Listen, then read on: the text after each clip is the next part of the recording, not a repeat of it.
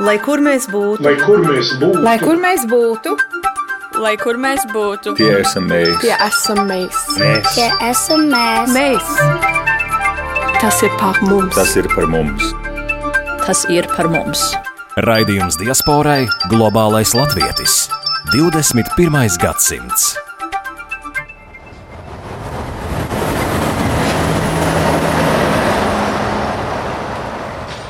Gandrīz katrā latviešu mājā ārpus Latvijas bija un joprojām ir vismaz viens tautas tērps, kas cienīts un augstu godā celts. Jo vai nu paņemts līdzi kā dzimtes relikvija savulaik dodoties prom no Latvijas, mantots no paudzes paudzē, bet tik labi tautas tērps var būt pašu gatavots, austs un šūdināts, lai nu kā tautas tērps veido un uztur saikni ar Latviju. Esiet sveicināti! Skanējumu sāk raidījums Globālais Latvijas 21. gadsimts. Mans vārds ir Agnese Drunka, un es esmu atstājusi studiju, lai dotos uz Latvijas Nacionālo bibliotēku un nē, nelasīt grāmatas, drīzāk skatīt dzīvu vēsturi. Bibliotēkā ienāku brīdī, kad izstāžu zālē Muzeja un pētniecības centra latviešu pasaulē, ko saīsinājumā mēdz saukt lapa, galvenā kuratore Marijāna Auliciema un viņas palīgi līdz kaulam ir iekšā izstādes uzvilkta Latviju, latviešu tautas starps pasaulē, eksponātu izvietošanā.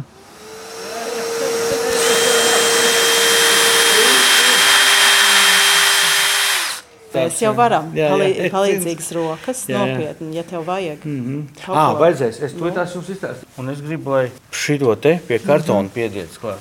Oh, jā, to mēs varam. Izstādē būs redzami 40 tērpi.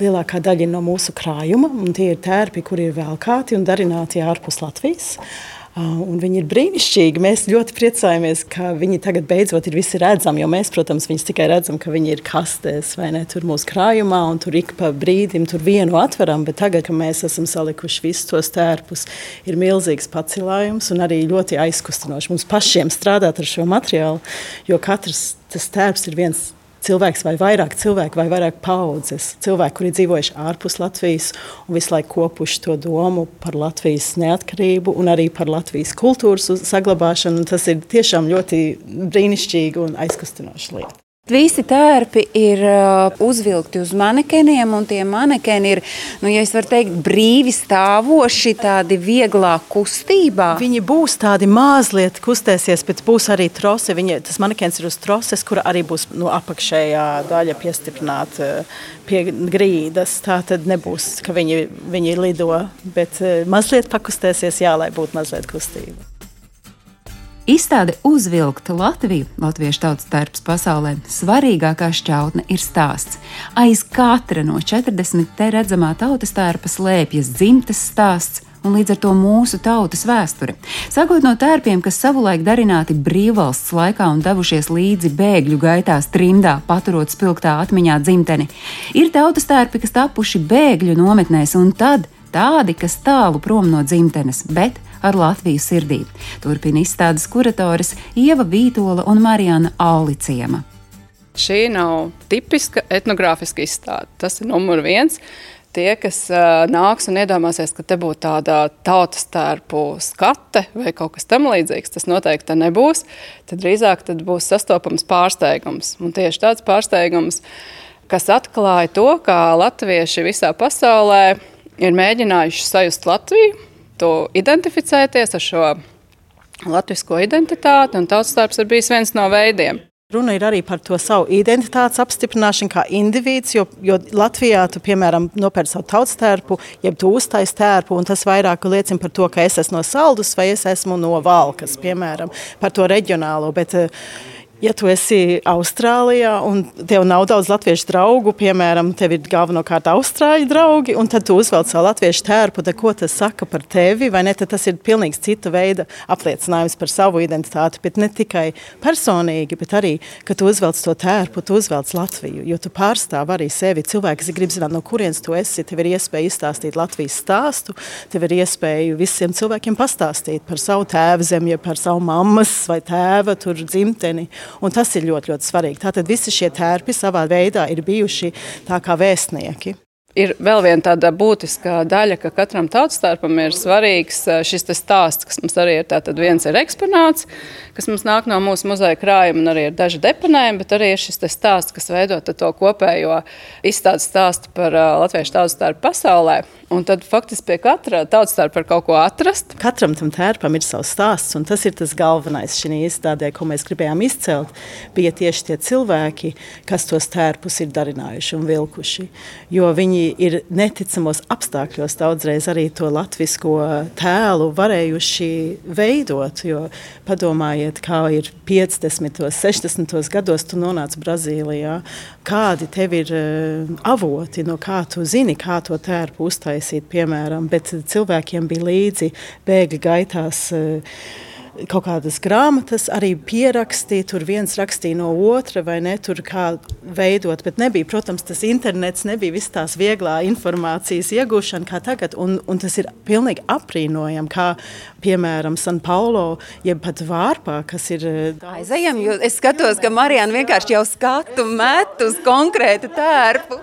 Nu, piemēram, šis brīnišķīgais lielvārds tērps, kas ir piederējis Ilonai Gulbis, viņa kā 14 gadu veca meitene, es domāju, viņai vajag latviešu tautas tērpu, bet viņa ir Brazīlijā. Tad viņa nopirka veikala, audumu veikalā rūtainu, sarkanmelni rūtainu audumu, kas izskatās līdzīgs lielvārds tērpam, un pati izdomāja izšūt blūzi. Tad viņai ilgi pagāja, kamēr viņa nopirka tādu smalku linu, kuru varēja rūpīgi saskaitīt visus diegus. Viņa 14, kas man liekas pilnīgi neticami, ka iesim kāda es biju, ka man bija 14, ka viņa 14 gadu vecumā ir izšuvusi to lielvārdas eh, līgavas eh, kreklu. Viņai acīm redzot bija ļoti labs avots, kaut kas eh, zīmējumi tur ar ko viņi varēja skatīties, kā to izdarīt. Bet viņi ir izšuvusi nenormāli smalku, skaistu darbu ar simtiem auzeklīšiem. Tas man liekas nu, pilnīgi fantastiski, ka tas ir tajā konkrētā vietā darināts tas konkrētais cilvēks. Un tad viņa šo tērpu vilka visu mūžu Brazīlijā dzīvodama, pārstāvot Latviju multikulturālās izstādēs San Paulo, kas tika rīkots regulāri. Un viņa, piemēram, ceļoja uz Ameriku, un tur viņa pasūtīja lepnās rotas no Amerikas latviešu rotkaļa. Oh, jā, tur ir, nu, pieclatnieka oh, sakta un vēl nu, tāda stilizēta burbuļu sakta tā ir, vai kas tā tāda ir? Nu, viņa ļoti skaista sakta ar sarkaniem akmeņiem un uh, sildraba un ļoti liela un varena sakta, ko viņa ir no Amerikas rotkaļa pasūtījusi. Un tad viņai arī bija lielvārds josta. Tātad šis man liekas neticam, ka cilvēks ir pratis uztaisīt to latvisko tēlu. Es nezinu, vai es to prastu, nu mācētu, ja es tagad nonāktu ārpus Latvijas, man nebūtu tas internets, kā es varētu uztaisīt to tērpu. Tad tas ir viens no stāstiem, kas mums ir izstādē. Tas, kā uztaisīt to latviešu tautas tērpu, pat ja tev nav viss tās perfektie apstākļi. Bet es varu vienu parādīt, kas man liekas, es vienmēr, kad es uz viņu skatos, es vienkārši brīnos par kaut ko tādu. O, un tur tieši puiši vēl darbojās. Bet redz, tieši tagad pie šī tautas tērpa tas ir uh, Praulienas uh, tautas tērps un tapis uh, Austrālijā. Un uh, Prauliena tātad vidzeme, un parasti šo te uh, brunci auž. Bet šis var pievērst uzmanību tādām detaļām, ka tas ir izšūts krustdorienā. Un tas ir vienkārši apbrīnojami, jo tā darinātāja Ērika Sosārs kundze, dzīvoja Melnburnā, un tas bija vienkārši arī veids, faktiski tāds tāda darināšana, kā tajā brīdī būt kopā ar Latviju, izdzīvot to sapni par zaudēto bēgļu gaitās pamesto Latviju, Un, uh, viņas dēls mums šo tautas tērpu uzdāvināja krājumam, un arī viņa mīļā atmiņā vienmēr ir palicis, kā mamma sēž savā istabiņā un cītīgi stundām ilgi izšuja šo tautas tērpu.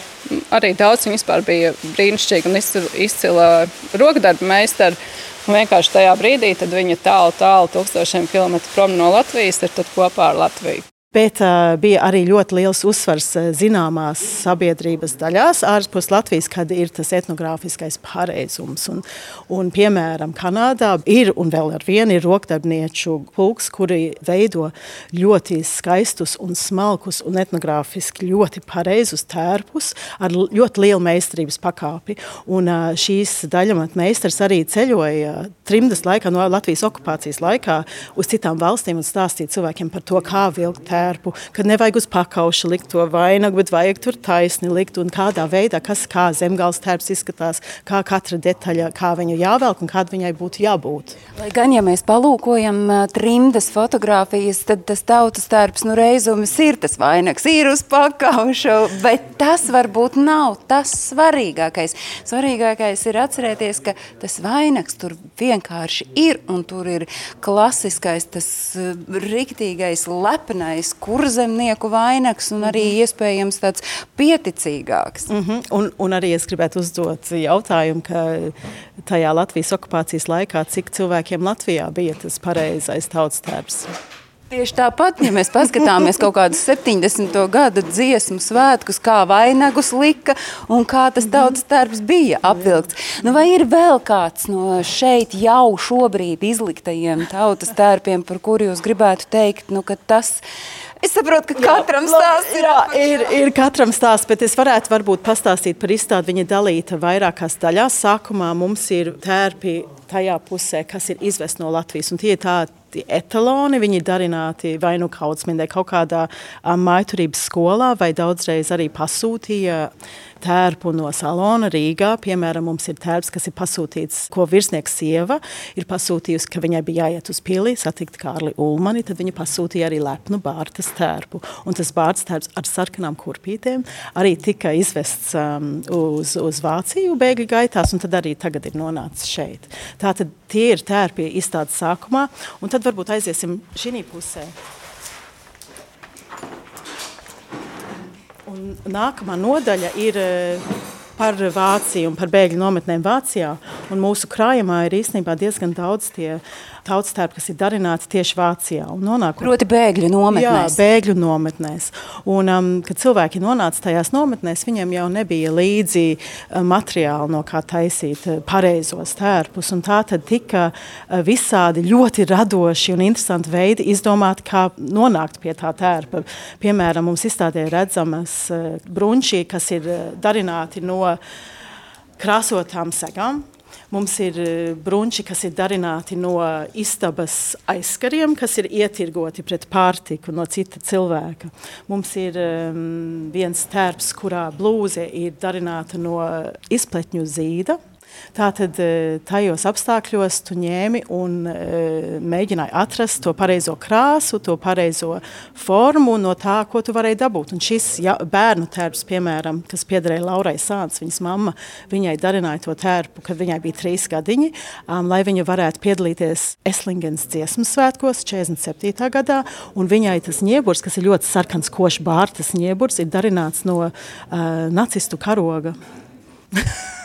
Pilnīgi nereāli. Nu, noteikti nav tā svastika redzama, bet tas sarkanais ir no, nu, vismaz tā mums stāsta mūsu Laura, kura atcerās, ka viņai bija, viņa bija maziņa, viņai šis tērps bija viņas tērps. Tas ir uh, pilnīgi neticami, cik krāšņi un cik cēli un cik skaisti cilvēki ir pārstāvējuši Latviju, uzvelkot šos tērpus. Un tas ir nenovērtējami, man liekas, kāds darbs un kādas rūpes ir, ir iegājuši katrā tajā tērpu darināšanā.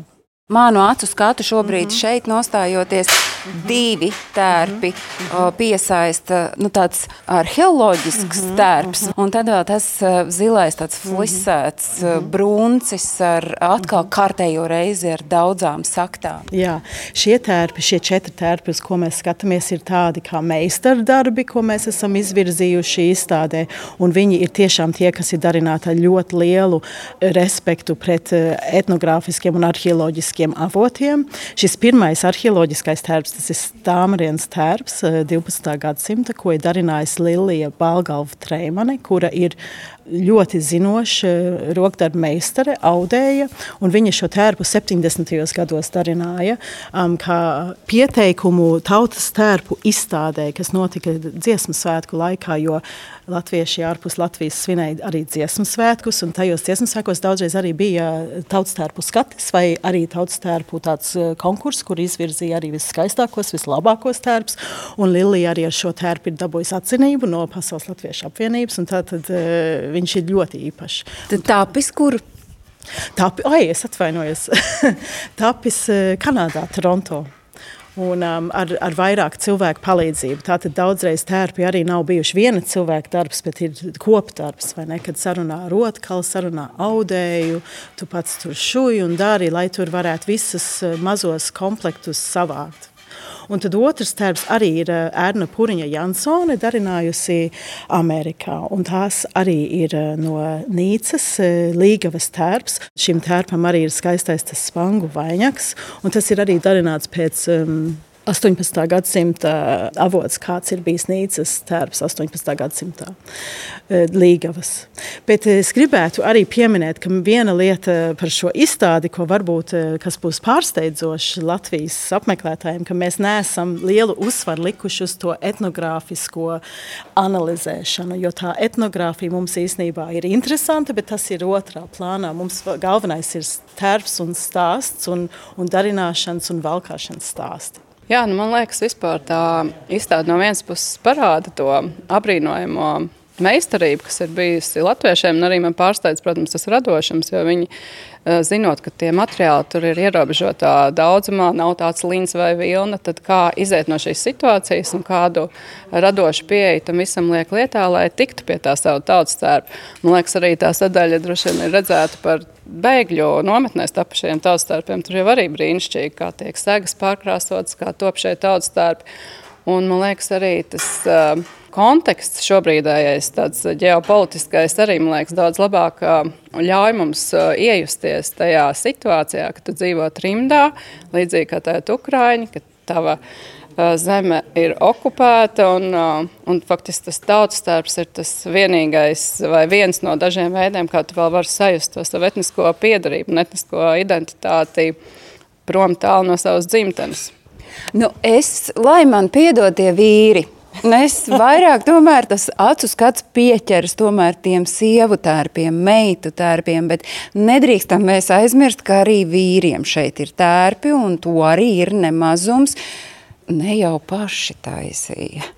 Nē, Mums Rolands Plesors tūlīt varēs pastāstīt. Nē, es domāju, bija mammas, bija, bija arī skroderi, kas, eh, piemēram, mums ir šis brīnišķīgais tērps, ko es gribētu apgriezt otrādi, redzēt tās faltes. Aiziet šeit, piemēram, Bruno Sals, skroders eh, Lielbritānijā ir darinājis šo gaišo svārkus un šo gaišo tērpu um, Anglijai vienai tautsteju kopai, un viņš ir ļoti atturīgs, bet viņš ir ļoti skaists tērps. Tātad ne tikai sievietes ir darinājušas šos tērpus, ir arī kādi vīrieši arī, kam ir tas amats skola rokā, ir arī palīdzējuši darināt. Bet vīriešu tērpu mums ir mazāk. Vispār.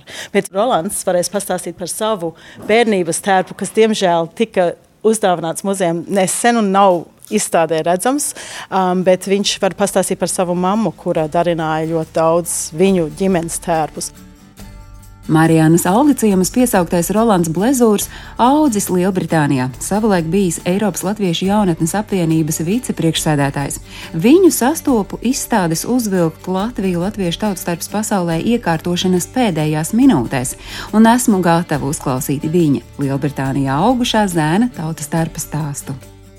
Šie tērpi, kas te ir izstādīti, tie visi ir goda tērpi. Tā ir visspilgtākā Latvijas vizītkarte, kāda vien var būt. Vai jūs varat iedomāties, ka kāds ar prieku ies piedalīties dziesmu svētkos bez tautas starpa? Nu, kauns būs. Skatīsies citiem ar lielu nožēlu. Mans stāsts ir nedaudz savādāk tādā ziņā, ka es esmu trimds latvietis, dzimis augs Anglijā, viens no pirmajiem latviešiem, kas atgriezās Latvijā pirms neatkarības – barikāžu dienās ieņēma ļoti aktīvu lomu, Dāņa Ivāna padomnieks. Un līdz ar to, kāpēc es to saku, ir jo šie tautas tērpi, kad es saku vizītkarte, viņi ir kalpojuši gan demonstrācijās, gan oficiālās vizītēs, gan goda reizēs, kā teikt, mūsu Latvijas svētkos. Viņi ir ģimenes svētkos, man to minēto tautstērpu, ko Marijāna teica, ko esmu iedevis muzejam, man ir saglabājušies uh, tautstērpi no tā, ka man bija uh, 3-4 gadi. Un, uh, kā augu līdz šodienai, kad man, protams, ir tagad riktīgs vīru tautstērps, Alsungs novada tautstērps. Bet uh, kas ir jāsaprot, ir, kad šie tautstērpi un velkāšana Nu, salīdzināsim viņu tā. Tātad viņš ir spilgta Latvijas vizītkārta, bet no otras puses tas ir arī savas identitātes apliecinājums. Ja tu esi ārzemēs, Nu, tu uzreiz tur, tur izleks no visa. Tāpēc arī pieņemsim tagad, ja būtu, ka mēs bieži rakstījām vēstules uz kādus uh, valdības uh, oficiāliem kungiem, tad, ja mēs to vēstuli iesniedzām tāpat vien, tas neko tā daudz nepastā iemet un viss, bet ja tu aizēji un teiksim, nu tā tad mūsu liels kungs ir uzvelkā, bet blakus stāv tautumeita. Savā skaistā tautas tērpā, uzreiz tā ir bilde, uzreiz ir jautājumi, uzreiz ir stāsts, un tā tālāk. Tāpēc viņš ne tikai ir nozīmīgs teiksim, tādiem dziesmu svētkiem, bet viņš ir gājis cauri visiem gadiem. Jāatzīstās arī, ka, kā Marijana teica par to autentiskumu, ziniet, es teikšu, padomāsim par tiem vārdiem. Tātad tas ir tautas tērps. Viņam arī jāveidojās līdzi tiem apstākļiem, kādos mēs dzīvojam. Trimdas laikos es, es abrīnoju savus vecākus. Mēs bijām četri bērni. Man bija pirmais taustēps jau no kaut kādiem trim, četriem gadiem. Nu, ko tas nozīmē mammai? Nu, es kā, kā, protams, ļoti godīgs puika. Pikses bija netīras, atkal jāmazgā, atkal tu esi uzaugs, tev bikses ir par īsu, tev tur vīli ir vaļā. Un, protams, tautas tērpa nav jau tikai pie dziedāšanas vai, teiksim, tādas parādīšanās. Viņš arī ir ļoti spilgts piemērs tautas dejas kolektīvos. Tātad tautas dejas kopās, arī, ja skatās par trimdus to rakstu, kā minēja par Austrāliju, vis tā, es vēl vairāk runāju par Angliju, tad mēs redzam, ka katrai kopai bija izvēlēta savs novacs, piemēram, Ziemeļos viena no vecākām tautsdejas kopām sakta, viņiem bija mīcas. Tautas tēvs, gan puišiem, gan mēs arī parādīja bildi no manas ģimenes, tepat tās viss ir izstādīts. Tāpat tās, tad, teiksim, piemēram, tā kā Londonas dejotājiem Abrenes novacs. Tā kā arī šāda veida atšķīrās. Un, un vien, ka, kad es saku par to godu tērpu, ir man, man ir tāds prieks katrs dziesmas svētks, kad redzu, uh, Mēs nešķirojam, kādā amatā, kāda turība. Neko mēs neskatāmies. Mēs skatāmies, kā šis cilvēks iet par ielu savā tautas tērpā ar tādu lepnumu, paceltu galvu, smaidu, izstarošos, brīnišķīgos, fantastiskos, pozitīvos eh, enerģijas lādiņus. Nu, ko vēl vairāk vajag?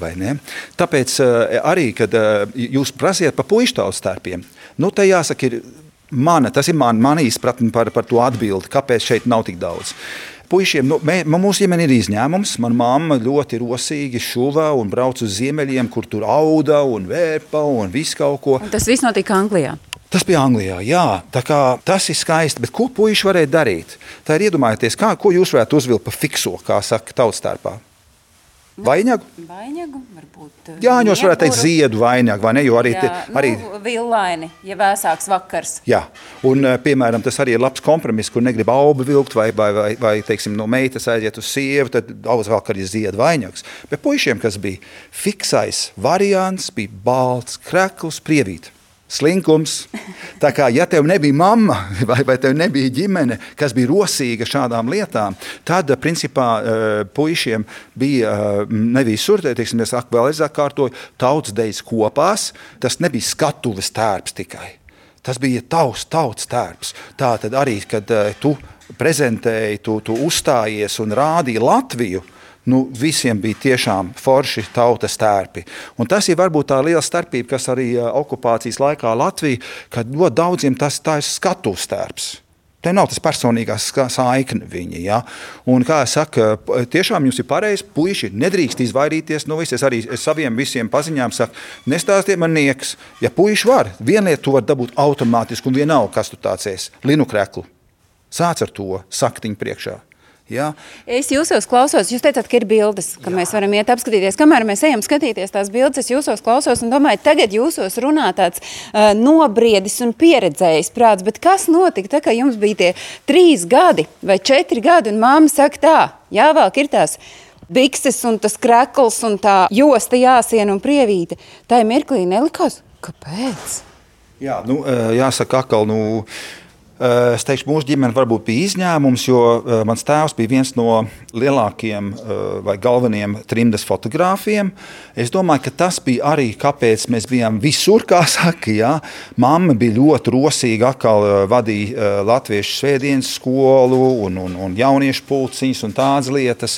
Tāpēc eh, automātiski tas nozīmē, ka mēs jau kā jaunieši uzstājāmies ar maz, mums bija tāds ansamblis sienāzīšu, ar kokliem uzstājāmies, dziedājām. Tātad tas jau bija pirmais tāds eh, neprasīju, vai man jāvēl, ka es sapratu, ka eh, es, es, es parādu sevi, es parādu savu ģimeni. Bet jūs pareizi sakat par to nobriedumu. Es varu pat pateikt pilnīgi atklāti. Eh, Ir bildes no manas tautas starpā, kad es brīvības mieru kuģu braucienā tika, es tika arestēts Helsinkos, kurš tautas starpā. Ja? Tur arī es, es vilku, jā, bet man jau galvā bija kas cits, jo izaugot tev arī nobriest tas, kad Tev tā drāna ir vajadzīga, nu tā kā uzvelks. Tu nevelc uzvelk, ka tev ir varbūt 3, 4 gadi. Un eh, šeit ir tas pats, kad eh, es faktiski nobriedu cauri tautas dejas kopas dalības. Jo tautas dejas kopā, pirmām, ko mēs darījām pirms uzstājāmies. Tas bija interesanti. Es jau nebiju noteicies, es jau biju jauns džeks. Un ko mēs darījām, eh, piemēram, Kamoliņš, kas arī piedalīsies dziesmas svētkos joprojām.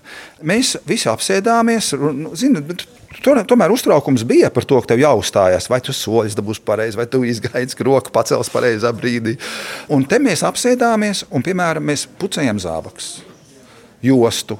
Saktiņi nopucēt, lai viss smuki ir un tā tālāk. Ja? Un šeit tā apziņa cēlās, jo tiklīdz tu sāci ne šūt, bet tu pieskaries tam taustākam dziļāk un dziļāk un saproti, kāpēc šis, kas man iet kopā tā, kāda man cimdiņa vajadzīga un tā tālāk. Tā tu jau iz, ne, nemanot, tu izglītojies. Un tad, kad es atbraucu uz Latviju un paliku Latvijā 90. gadā, patiesībā viens no maniem uh, galvenām, uh, es, es nezinu, kāpēc, es tev nevaru atbildēt to, bet uh, jā, es atceros, ka man viens no galvenajiem mērķiem bija, nē, man tagad vajag savu taustāru īsto tādu, kā es gribu.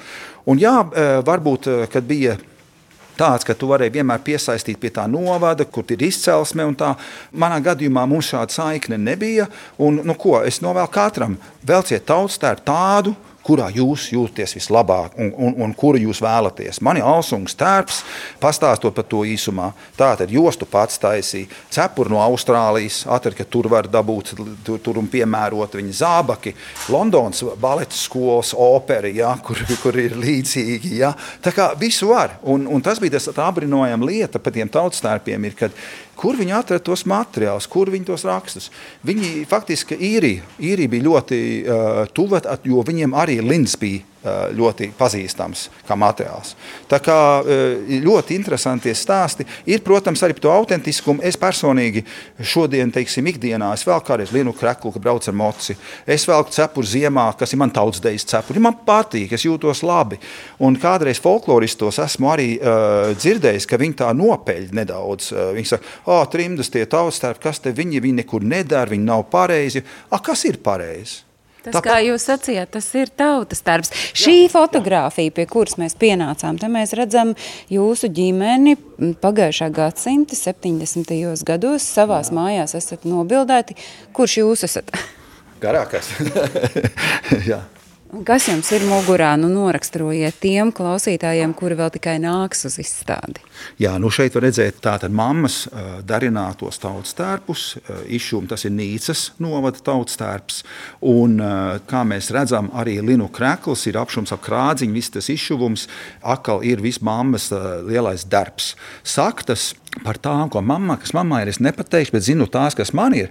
Tā tad mana krusmāte Ilona Uzskala, viņas vīrs Kārls Uzskals bija rotkals Anglijā, un tās man no krusmātes tika dāvināts, un tās man joprojām ir. Un tā ir akal, ka mēs runājam par drānām, vai viņi šeit var pieskārties, nepieskārties. Nu, drēbi, drēbi, man arī ir ļoti smuki uh, krekli, kurus es domāju nodot muzejam, bet, protams, ar laiku viņi dara savu. Bet tāda saktiņa vai kāda josta, vai kas, tas ir paudz paudzēm. Tāpat kā, kur tautstēps ir viena lieta, bet trimdā jau otra lieta bija namēji gredzens. Vienalga, kur tu brauc, ja tu redzēji lidostā, namai, ah, letiņš, jā, skaidra lieta. Tā kā par to autentiskumu es, es arī novēlētu katram, velkājiet savus latviskās zīmes, velkājiet savus tautstērpu atribūtus, tā, kā jūs jūtaties ērti. Un, un, un, un, protams, ka tur ir kaut kāda robeža, kad nu, par tiem vainagiem runājot. Nu, ir, ir tā, tā ir mode, ka, kā arī Marijāna teica, ka bija tiešām, ka paskatās bildes, ka meitenēm patīk to vainagu vilkt uz aizmugurtā. Nu, bet viņam bija tās cokas, tur jāizceļ. Viņam bija frizūra galvenais, vai ne? Nu, tā, tas ir modes kliedziens. Bet, uh, ko mēs uztraucamies? Tas ir sīkums. Es uzskatu, ka galvenais ir, ka mēs saprotam, ka tas ir goda tēps, viņš ir jāciena. Un otrs ir, ka tiklīdz tu uzvelc savu tautas tērpu, vienalga, kurā pasaules malā tu esi, tu pārstāv Latviju. Atgādinu, ka es ciemojos Latvijas Nacionālajā bibliotekā mirkli pirms izstādes Uzvilkt Latviju, kas stāsta par latviešu tautas starpu visā pasaulē atklāšanas. To emocionālo sajūtu ir grūti nodot. Tāpēc, ja vien iespējams, jāredz savām acīm. Arī tas tērps, pie kura mani vedina muzeja latviešu pasaulē kuratore Marijana Auliciema, tas patiesi atšķiras no pārējiem diezgan pamatīgi. Vai tu redzi šo sarkano apaļīgo izšuvumu šim tērpam, kas ir darināts Baškīrijā? No sākuma tu skaties, domā, nu nemazām neizskatās pēc latviešu zīmēm, tas nav latviešu raksts. Atkāpjoties tomēr ja var atkāpties un izstādē varēs atkāpties, tomēr ir tāds e, vispārīgs tēls, kas izskatās pēc latviešu tautas tērpa. Bet kāpēc tie raksti ir tādi apaļīgi? Mūsu tajā audio pastāsta, ka šis tērps ir pasūtīts Baškīrijā. Latviešu folkloras kopa atbalsts gribēja savus tērpus, un viņi parādīja Baškīrijas šuvējai fotografiju, kur ir latviešu. Es, es pieņemu, ka tas varētu būt Nīcas tērps, un tā Baškīriete labu gribēdama uzšuja tādu, kā viņai liekas, kā vajadzētu būt latviešu tērpam. Un, nu, ja tu skaties detaļās, varbūt tas nav īsti tradicionāli latviešu tērps, bet tas ir vilks pārstāvēt Latviju. Es domāju, ka tur var redzēt, ka tas cilvēks ir bijis ļoti priecīgs. Un mums ir arī ziņa, ka tās meitenes no folkloras ansambļa bija ļoti priecīgas, jo tie bija pirmie tērpi, kas viņām bija. Viņas bija lepnas, ka viņas ir latviešu un viņas var Baškīrijā to parādīt citiem. Marijānas Aulicījums aprakstīto tērpu no Krievijas uz Latviju atvedusi Ilona Saverasa, Latvijas latviete, kura savulaik bijusi latviešu valodas skolotāja Baškīrijā, ko šobrīd pareizi saukt par Baškortostānu. 12 gadus es strādāju Baškīrijā par latviešu valodas un kultūras skolotāju. Un pirms diviem gadiem atgriezos Latvijā kopā ar savu vīru. Un šajā vēstē viņš precējās. Tā bija vienīgā vīriešu veste no latviešu tautas tērpa, kas viņam derēja, un mēs precējāmies tautas tērpā. Un tas notika kur? Tas notika Baškīrijā, Krievijā.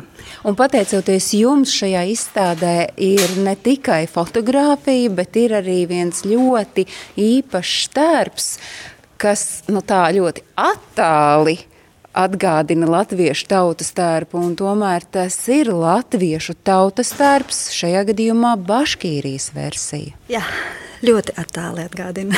ir, ir jāpasaka priekšā, ka tas ir latviešu tautas tērps, bet nu, tādi viņi vienu brīdi mums bija. Godīgi sakot, es nezinu, kā šis tautas tērps tāpat, tāpēc, ka tie cilvēki, kuriem es to jautāju, arī nevarēju šo jautājumu atbildēt. Jo tad, kad es aizbraucu 2009. gadā, tad tautas tērps jau bija, bet uh, paralēli tam bija vēl citi turpat šūdināti tērpi un bija jau arī no Latvijas dāvināti tērpi. Un tad, kad mēs 13. gadā pirmoreiz atbraucām uz dziesmu svētkiem, tad Lapa Vlāsova norganizēja mums vēl no Latvijas tautas darbus, un tad mēs no šī atteicāmies pilnīgi. Kas ir tas, kas viņu padara ļoti attāli līdzīgu latviešu tautas starpam? Tad, tad ir šī sakša, ir vainags, ir brūncis, ir krekls, bet visi tie izšuvumi nu, ir pilnīgi citādi nekā nu, tādā klasiskā, etnogrāfiski pareizā Jā. latviešu tautas starpā? Pirmkārt, tā spilgti sarkanā krāsa manī samulsināja.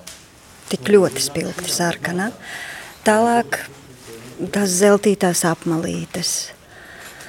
Nu, tas viss kopā man bija tāds liels šoks, ka nu, var jau arī mazliet citādi. Bet uh, es zinu, ka darinot šo tautas starpu noteikti tika dota fotografija, kādam būtu jābūt tautas starpam, jo tas bija arī darīts vēl pēc tam. Es nezinu, kāpēc šuvēja neņēma vērā to, kas ir redzams fotografijā. Jo tad, kad es saņēmu vēl vienu partiju ar visticamāk ufā šūtiem tautas darbiem, es pateicu, ka bērni tādus nevilks. Jo tur vispār nebija nekā no latviešu tautas tērpa. Un, Bet uh, viens ir tas, ko mēs uz aci redzam, ka tas varbūt ir attāli līdzīgs latviešu tautas tērpam, bet emocionāli, ko tur Baškīrijā dzīvojošiem latviešiem tāds tērps vispār nozīmē, cik tas bija svarīgi? Tautas tērpa vilka bērni. Tātad to cilvēku mazbērni, kas ar mani vēl varēja sarunāties latviski. Tātad viņiem, es nedomāju, ka bija īpaša emocionālā saikne ar to.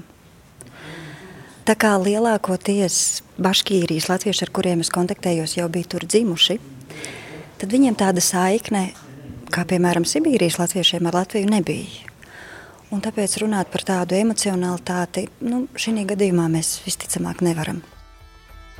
Un tomēr katrs no šiem tērpiem ir īsta vēstures liecība. Arī tie, kurus par tautas tērpiem nemaz nedrīkst saukt, piemēram, trimdas laika drānas, kas bija ikdienas vai svētku valkāšanai, rotāti Latviju zīmēm un rakstiem. Tos izstādē sagatavo muzeja Latviešu pasaulē krājuma galvenā glabātāja Guna Dancīte. Ir tāds kostīms, kuram apakšā ir arī latviešu ornamenti, svārki un žakete. Tā kā viens tērps balē, viens tērps um, tādai darba dienai, varētu tā teikt. Tad ir vēl arī šī no Kanādas kleita latviska balta lina kleita ar uh, sarkanu jostu, kas josta ir piešūta klāt. Un tad izskatās, varbūt nedaudz atgādina lielvārdus jostu, un viņi tādi ļoti, man liekas, ļoti eleganti izskatās. Un mūsu krājumā mums vairākas meitenes ir teikušas, ka šī ir ļoti skaista kleita, ka katra sev tādu arī gribētu. Kas ir interesanti, daudzi tie risinājumi, kas ir radušies vai radīti diasporā, Nav tā, ka ikdienā uz ielas ļoti daudz redzētu, ka kādam ir tie ornamenti. Tagad tā mode atkal atgriežas, bet īstenībā pat ja tev bija tautas tērps trimdā vai vispār diasporā, tad bija arī kaut kāds cits apģērba gabals, ko valkāt ikdienā, kam arī ir tie ornamenti klāt. Un tas liekas tā ļoti feini. Bet tad ikdienā visi tie tērpi, kas tagad tiek smuki izkārti, izlikti, lai varētu skatītāji redzēt, kā tie ikdienā glabājas, kā tie līdz izstādēji dzīvoja. Um, mums ir sava krātuve, kas glabājas šeit pat Nacionālajā bibliotēkā. Tātad ceļš nav tāls, ko tērpi ir mērojuši no krātuves līdz izstādēji. Bet ikdienā tā ir tumša, aizslēgta telpa, kur katrs tērps glabājas kastēs, sapakots ar daudziem, daudziem papīriem lai pēc iespējas mazāk gaismas, mitruma un visas citas iedarbība, lai netraucē. Un tad uh, mēs esam īstenībā ļoti priecīgi, ka šī ir tā reize, kad varam izstādīt tik daudz, jo ikdienā viņi tiešām daudzi savu iznākšanu piedzīvo pirmo reizi, kopš dāvinātājs ir nesājis vai devis mums, tad šī ir viņa tā pirmā iznākšana. Ir daži tērpi, kas jau ir kaut kur parādījušies, bet lielākā daļa nē. Un mēs vēl esam ļoti priecīgi, tā, kad mēs ņēmām ārā. Mums ir arī digitāla izstāde. Gadījumā, ja kāds nevar atbraukt no pasaules, apskatīties šo izstādi šī noteiktajā laika posmā, tad vienmēr paliek digitālā izstāde. Un tajā digitālajā izstādē mēs katru tērpu arī fotografējām. Un mēs esam ļoti priecīgi, jo tās bildes paliek arī mums pašiem. Un tad uh, tas mūsu plāns ir, ka mēs arī uz kastēm esam salīmējuši tās fotogrāfijas, lai tev pat kas te nav jāņem, jāver vaļā, ka tu jau uzreiz redzi, kas tur iekšā guļ. Bet krājuma glabātājai, ja runājam par tautas tērpu, droši vien izaicinājums ir kodes. Oh, jā, bet mums ir saldētava. Mēs regulāri arī saldējam. Katru reizi, kad mums atnāk kāds priekšmets, īpaši no tālākām valstīm, mēs tos saldējam. Mums ir ļoti laba sadarbība ar Latvijas Nacionālo vēstures muzeju, ar Nacionālās bibliotekas restauratoriem. Arī viņi mums palīdz un, un arī kādreiz kaut ko iesaka vai atbalsta, cik nu vien var vai vajag. Un tā mēs arī rūpējamies. Jā. Un kodas pašlaik nav bijušas. Mums patiešām ir bijuši kukaiņi, kas ir atbraukuši no Argentīnas grāmatās. Bet mēs esam izsaldējuši, maksimāli saglabājuši. Un kādu dienu, kad mēs arī šīs grāmatas liksim ārā, tad Šī brīdī tāds būtu tās grāmatas, tās apskatīs restaurators, cik tas ir bojājums, traucējis. Tā, jo lielākā daļa jau nav bojāta, bet um, kodēm un citiem kukaiņiem ļoti garšo līmes. Un tad var redzēt, ka tajās savienojuma vietās ir apģērbam īstenībā mums nav bijušas ne kodas, ne citi kukaiņi. Nav nekas tāds, kas viņus būtu traucējis vien laika zops. Man paveicas, jo tautas tērpus aplūkojot kopā ar īpašniekiem un kuratoriem, varu uzklausīt tos īpašos stāstus, ko aci uzmetot neieraudzīsi. Bet, kā atklāja izstādes kuratore Marijana Auliciema, tie apmeklētājiem nepaliks noslēpums. Mums būs izstādē audio gids dažiem tērpiem, kur ir ierunājusi brīnišķīgā mākslinieca Liene uh, Sebre. Tur Liene aicina skatītāju apskatīt zināmas detaļas, lai viņi ievēro un arī izstāsta, kāpēc tas ir tā. Kā tu domā, kāds varētu izskatīties ideālais latvietis? Daudziem šķiet, ka tas ir cilvēks latviešu tautas tērpā. Visu tērpa ansamblis kopā veido spēcīgu tēlu. Koši vai svītraini brunči, izrakstīts krakls un ņieburs, apsakts ar smalki izšūtu villaini, un galvā spīdošs, vizuļojošs vainags. Vai arī vīriešu tērps ar gariem svārkiem, rakstainu jostu, zābakiem, kādreiz arī ar gardibeni, jeb platmali galvā. Bet, skatoties tuvāk, izpētot atsevišķas detaļas, atklājas smalki, jo smalki rokdarbi, īpaši daļamatniecības paraugi, pārsteidzošs radošums, uzmanīgs darbs un lielas rūpes. Šajos audio stāstos pievērsīšu uzmanību tieši tautstērpu detaļām, lai tu redzētu, kas slēpjas oderē vai vīlēs, lai aplūkotu un uzzinātu to, kas uzreiz nav pamanāms, lai ievērotu ko īpaši skaistu vai neparastu. Vai tu redzi? Redzēt, saredzēt, saklausīt, pamanīt un aizdomāties. Uz to mudina muzejs latviešu pasaulē, nākot uz izstādi uzvilkt Latviju, latviešu tautas starps pasaulē, bet paralēli ik viens ir aicināts izstāstīt savu tautas starpa stāstu. Instagram kontā uzvilkt Latviju, bet izstāde Latvijas Nacionālajā bibliotēkā izdzīvojama līdz pat rudenim, precīzāk 3. septembrim. Tikmēr visi pārējie svarīgie notikumi, kas aktuāli latviešiem dzīvojot ārpus Latvijas, meklējami portālā latviešu.com. Šo raidījumu globālais latvietis 21. gadsimts, ko veidoja Agnese Drunka, Santa Lauga un Reinas Budze, atkārtojumā varat klausīties svētdienā, uzreiz pēc ziņām trijos. Lai kur mēs būtu, Lai kur mēs būtu, Lai kur mēs būtu, Lai kur mēs būtu, Tie esam mēs. tie esam mēs. mēs Tie esam mēs. Mēs. Tas ir par mums. Tas ir par mums. Tas ir par mums. Raidījums diasporai - globālais latvietis. 21. gadsimts.